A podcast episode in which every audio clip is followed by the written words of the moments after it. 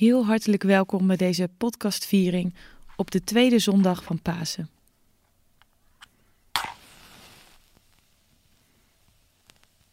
Ik steek hier een kaars aan, een vlam van opstanding. Je kan dat thuis ook doen, zo zijn we even verbonden. En niet alleen in het licht zijn we verbonden met elkaar, maar ook in onze zoektocht naar hulp. Waar kunnen we onze hulp vandaan verwachten? Juist ook nu in deze coronatijden. De dichter van Psalm 121, die voor een lange reis de gevaarlijke bergen gaat betreden, vraagt het zich ook af. En het antwoord dat de dichter ons aanreikt is niet alleen een mantra, maar ook een belofte. Hij zegt: Ik sla mijn ogen op naar de bergen. Van waar komt mijn hulp? Mijn hulp komt van de Heer die hemel en aarde gemaakt heeft.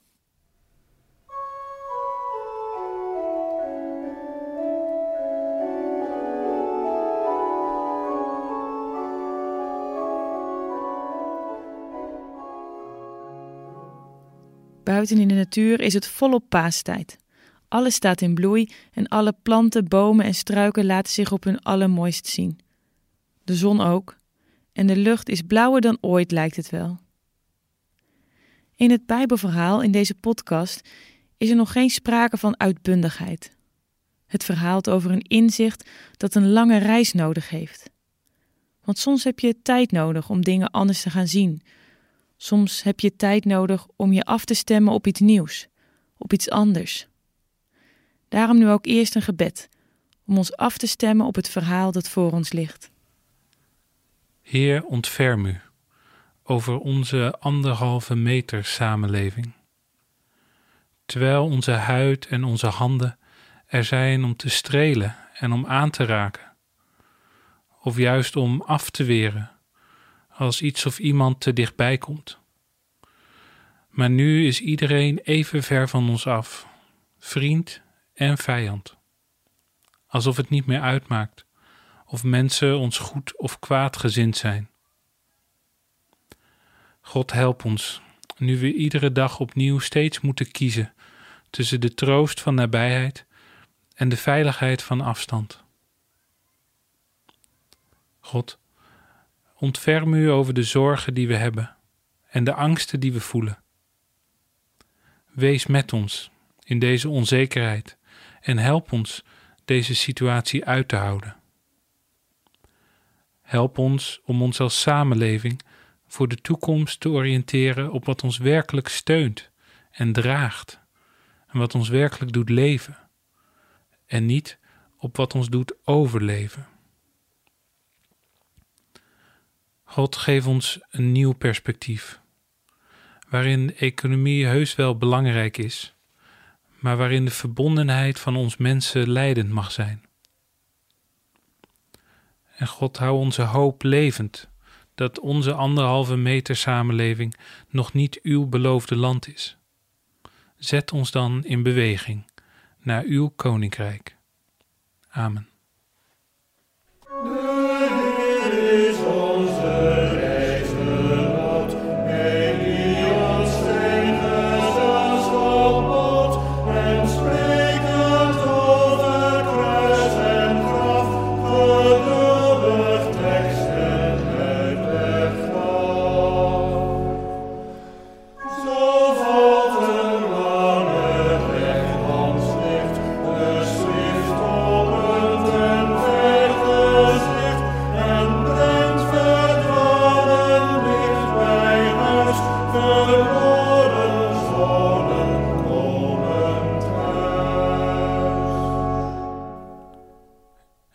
Van Lucas, hoofdstuk 24. Diezelfde dag gingen twee van de leerlingen op weg naar een dorp dat Emmaus heet en zestig stadie van Jeruzalem verwijderd ligt. Ze spraken met elkaar over alles wat er was voorgevallen. Terwijl ze zo met elkaar in gesprek waren, kwam Jezus zelf naar hen toe en liep met hen mee maar hun blik werd vertroebeld, zodat ze hem niet herkenden. Hij vroeg hun: Waar loopt hij toch over te praten? Daarop bleven ze somber gestemd staan. Een van hen, die Cleopas heette, antwoordde: Bent u dan de enige vreemdeling in Jeruzalem die niet weet wat daar deze dagen gebeurd is? Jezus vroeg hun. Wat dan?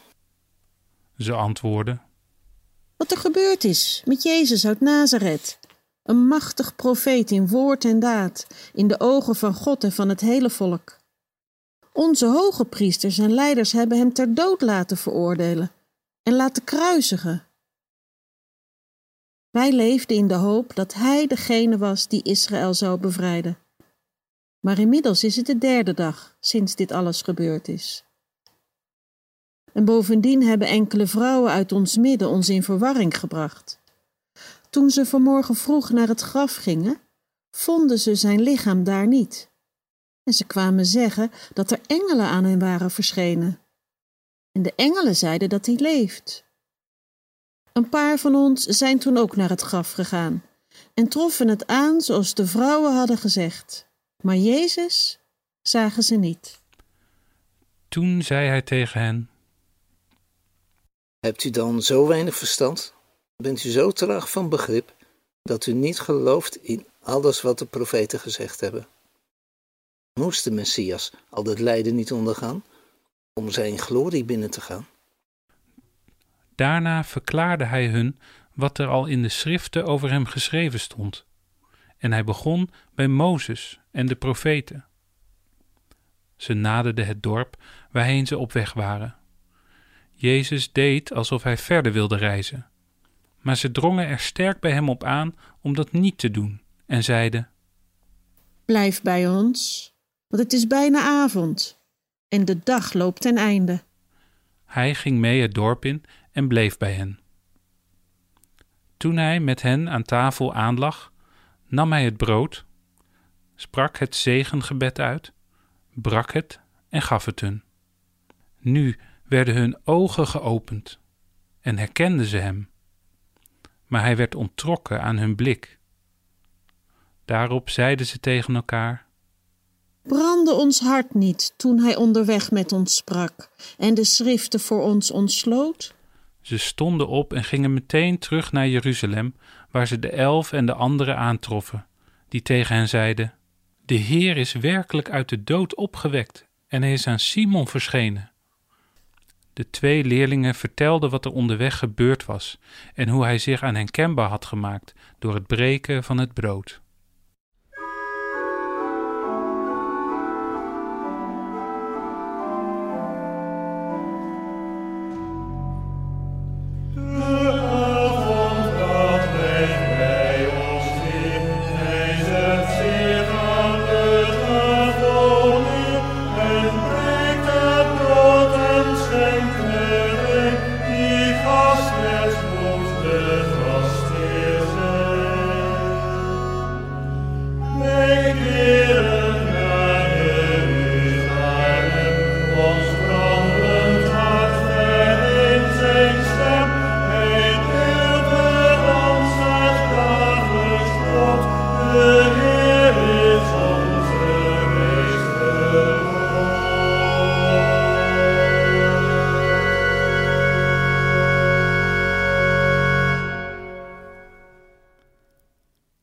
Geliefde mensen van God.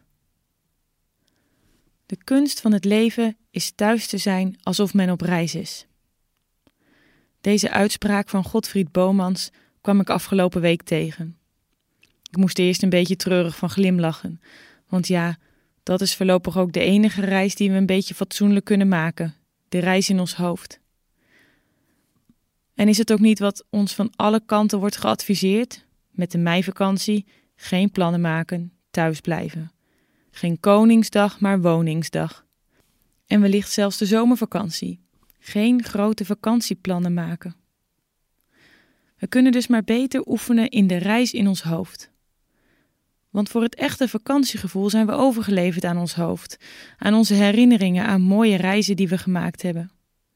We kunnen ze terughalen door de foto's of filmpjes te bekijken, door de verhalen met elkaar te delen, we kunnen hetzelfde eten koken als op vakantie, of in schrik doen en bijvoorbeeld Italiaans eten bestellen. Support your locals. We kunnen, als het even meezit, een tent in de tuin opzetten. Zo kunnen we thuis zijn alsof we op reis zijn. De uitspraak van Bomans bleef ook bij mij haken omdat ik bezig was met de tekst die zojuist gelezen is. Het verhaal over twee mannen die op reis zijn, de Emmausgangers. Ik vind het een prachtig verhaal. Het sluit voor mijn gevoel zo aan op hoe ik mijzelf een beetje voel na Pasen. Het is dan wel Pasen geweest.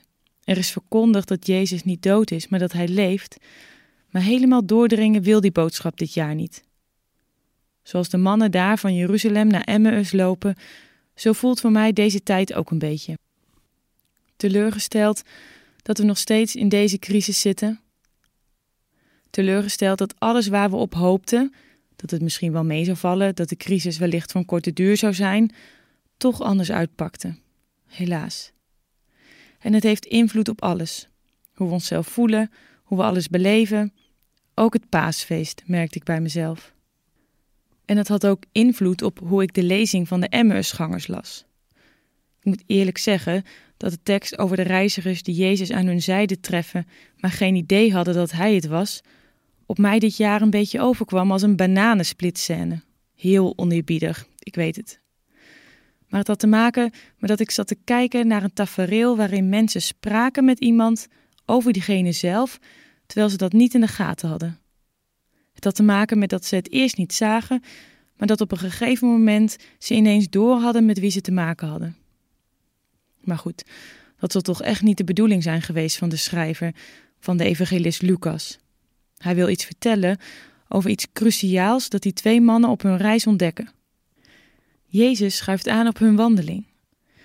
En terwijl de twee mannen teleurgesteld met elkaar praten over wat de afgelopen dagen met die Jezus, die machtige profeet in woord en daad, is gebeurd, wordt de wandeling niet alleen een reis van plek A naar plek B, maar ook een wandeling door de schriften. Want Jezus legt hen de schriften uit. En ze merken dat deze man kennis van zaken heeft. Hij begint bij Mozes en de profeten. En misschien begon het ze toen al te dagen, want zou de God van Mozes en Elia dat waar hij aan begon ooit loslaten? Hij riep namelijk al tegen het duister: Er zij licht, en het was er. En hij riep Abraham uit Ur der Galdeën, haalde Jozef uit de put en zijn volk uit Egypte, en Jona uit de vis, Daniel uit de leeuwenkuil en de ballingen uit ballingschap. Het begon wellicht te dagen zou deze God nu dan Jezus en alles waaraan hij begonnen was, plotseling in de steek hebben gelaten? Wanneer ze even later met hun gast aan tafel zitten, gaan hun ogen open wanneer hij het brood breekt en deelt. Lucas laat in zijn verhaal merken waar het op aankomt door het woord het geschieden te gebruiken. Je kent het wellicht wel vanuit het kerstverhaal in de oude vertalingen. Het geschieden in die dagen. Lucas gebruikt dat woord vaker om aan te duiden dat we even op moeten letten. Hier gebeurt iets bijzonders. In ons verhaal gebruikt Lucas het woord het geschieden ook. Hij gebruikt het bij Jezus wanneer het geschiet dat hij de schrift opent. En hij gebruikt het wanneer het geschiet dat Jezus het brood breekt. Let op, lezers, laat Lucas ons zo weten. Let op, dit is heel belangrijk het openen van de schrift en het breken en delen van het brood. Je zou kunnen zeggen: Jezus laat zich hier aan deze twee mannen kennen in woord en in werk. Hij heeft hen uitgelegd dat het boek van Israël van begin tot einde opstandingsboek is. En hij heeft zijn eigen leven in dat breken en delen van het brood samengevat. En dat opent de ogen van de twee mannen. Ze beseffen ineens: Jezus leeft. Nou ja, ineens dat vraag ik me dus af. Het is een verhaal over een reis. De mannen maken in dit verhaal een omslag waar je normaal een heel leven over zou kunnen doen. Lucas beschrijft de reis alsof het een middagje lopen is. Maar, zo zegt hij ook, het is 60 stadien lopen van Jeruzalem naar Emmaus. Zes en zestig staan in de Bijbel vaak voor de mens. Het getal zes is het getal van de mens, zoals het getal zeven het getal van God is. Zou het zo kunnen zijn dat die reis van 60 stadien staat voor de menselijke reis, het leven? De reis die ieder mens gaat. en over de ontdekkingen die je op die reis van Jeruzalem naar Emmaus en weer terug doet. Ik vind dat in ieder geval wel een mooie gedachte, want anders blijft het bij een eenmalige ervaring van die mannen daar. Ik geloof niet dat Lucas daarom dit verhaal geschreven heeft. Hij schrijft dit verhaal met het oog op veel eerste christenen die een weg zoeken naar het sterven van Jezus en die ook langzamerhand ontdekken: Jezus leeft nog steeds in wat hij geleerd heeft en in zijn breken en delen. Hij leeft wanneer wij zijn woorden ons indrinken en wanneer wij breken en delen. Elke keer wanneer we onszelf breken en delen en daarin ook een bron van leven zijn voor anderen. Als wij nu beslissingen durven maken waardoor alle mensen in onze samenleving het hoofd boven water kunnen houden, breken en delen. Als wij in deze tijden, waarin alles anders loopt dan iedereen voorzien had, begrip kunnen opbrengen, breken en delen. Het mooie is, de mannen staan zelf op na hun ontmoeting met Jezus, wanneer hun ogen geopend zijn. En ze keren terug naar Jeruzalem, de stad van hoop en vrede. De 60 stadienreis is geen enkele reis. Hij eindigt weer in Jeruzalem, waar ze terug zijn gekeerd als nieuwe mensen. En ze vertellen aan de leerlingen: Jezus leeft. Hij was onze reisgenoot. Jezus verscheen aan de Emmausgangers als reisgenoot. Dat vind ik een mooi beeld. Niet zozeer vanwege de gedachte dat Jezus bij ons zou zijn op een of andere manier, maar meer vanwege het idee dat we als reisgenoten dezelfde weg delen. Een weg van opstanding, doorbreken en delen. En de weg van hoop. God zal toch nooit de mensen in de steek laten met wie hij ooit op weg is gegaan? Ik begon net met die uitspraak van Godfried Bomans. De kunst van het leven is thuis zijn alsof je op reis bent. Letterlijke reizen kunnen we niet maken, maar al thuis zittend zijn we toch op reis. Of we het nu willen of niet, want ons leven is sowieso een reis. En op dit moment lijkt het alsof we allemaal even niet meer weten welke kant we op moeten gaan. Ergens troost mij de gedachte dat bij onze reis die we maken, ook de reis nu in deze tijd, Jezus een reisgenoot is. En dat de weg die we samen gaan in breken en delen een weg van opstanding is. Amen.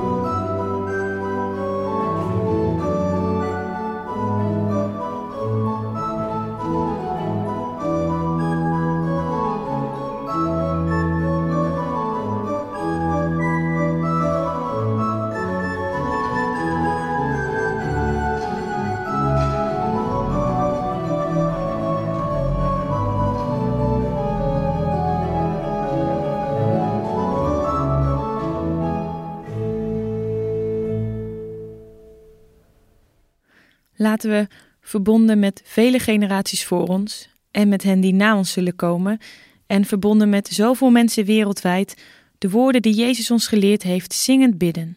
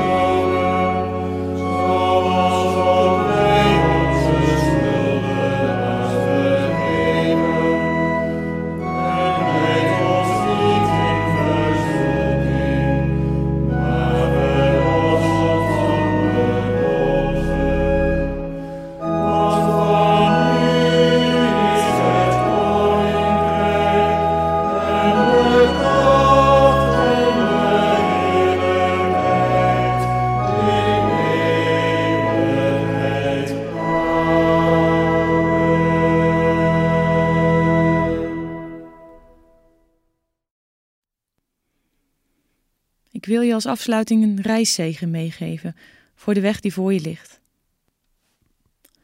Dat de weg je tegemoet komt. Dat de wind je steunt in de rug. Dat de zon je gezicht warmt. De regen je veld vruchtbaar maakt. En totdat we elkaar weer zien, dat God je in de palm van Zijn hand bewaart. Amen.